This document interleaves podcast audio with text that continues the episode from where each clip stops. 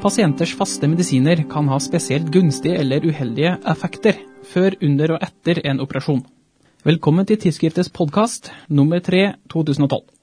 Før planlagte inngrep må det i samarbeid med anestesiolog gjøres individuelle vurderinger av medikamentbruk før, under og etter inngrepet. Vi har snakket med artikkelforfatter Johan Ræder, som hadde dette å si. Utgangspunktet når det gjelder faste legemidler i forbindelse med elektive operasjoner, er at pasienten får disse legemidlene daglig fordi de trenger det daglig. Og, og da gjelder også det under og før og etter en operasjon.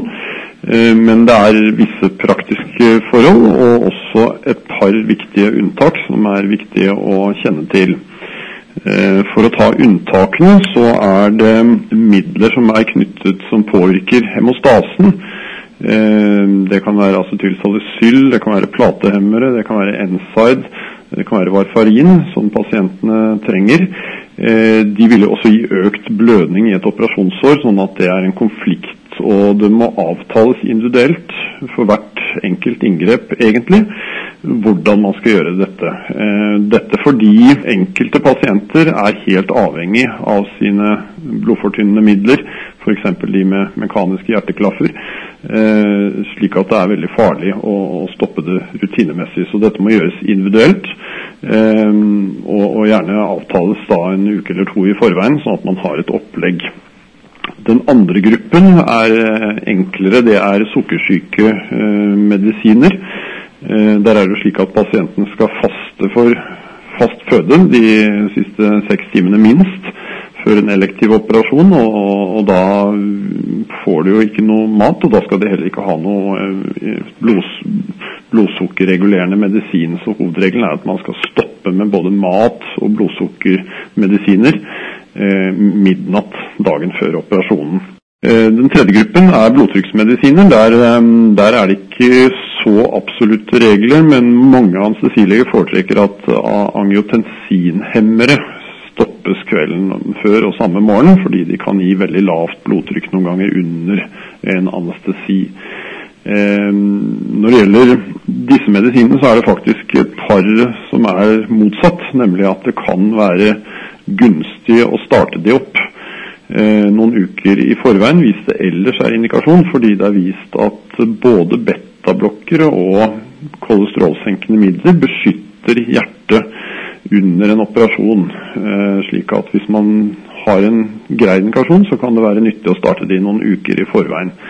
Og Det som i hvert fall er viktig, er at disse midlene ikke stoppes i forbindelse med en operasjon. Spesielt betablokkere er veldig uheldig om stoppes, fordi de gir en tilbakeslagseffekt når man stopper de.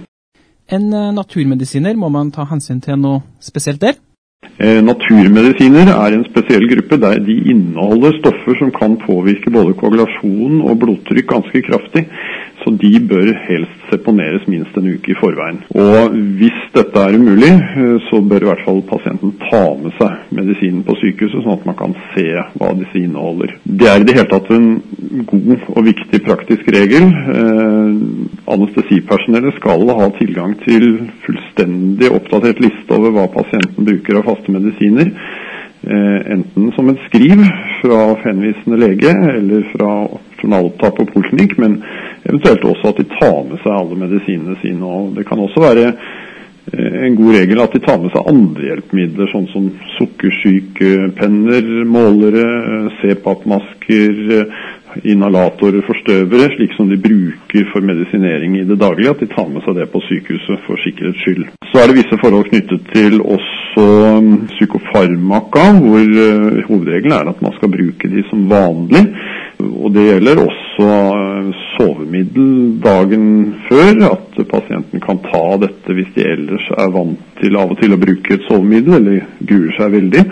Det samme gjelder om man har behov for et og Diazepin, en eh, tablett på morgenkvisten for, for å roe seg ned. Det er, det er ikke noe problem, men, men, det er viktig at anestesipersonellet vet om eh, hva som er tatt og når.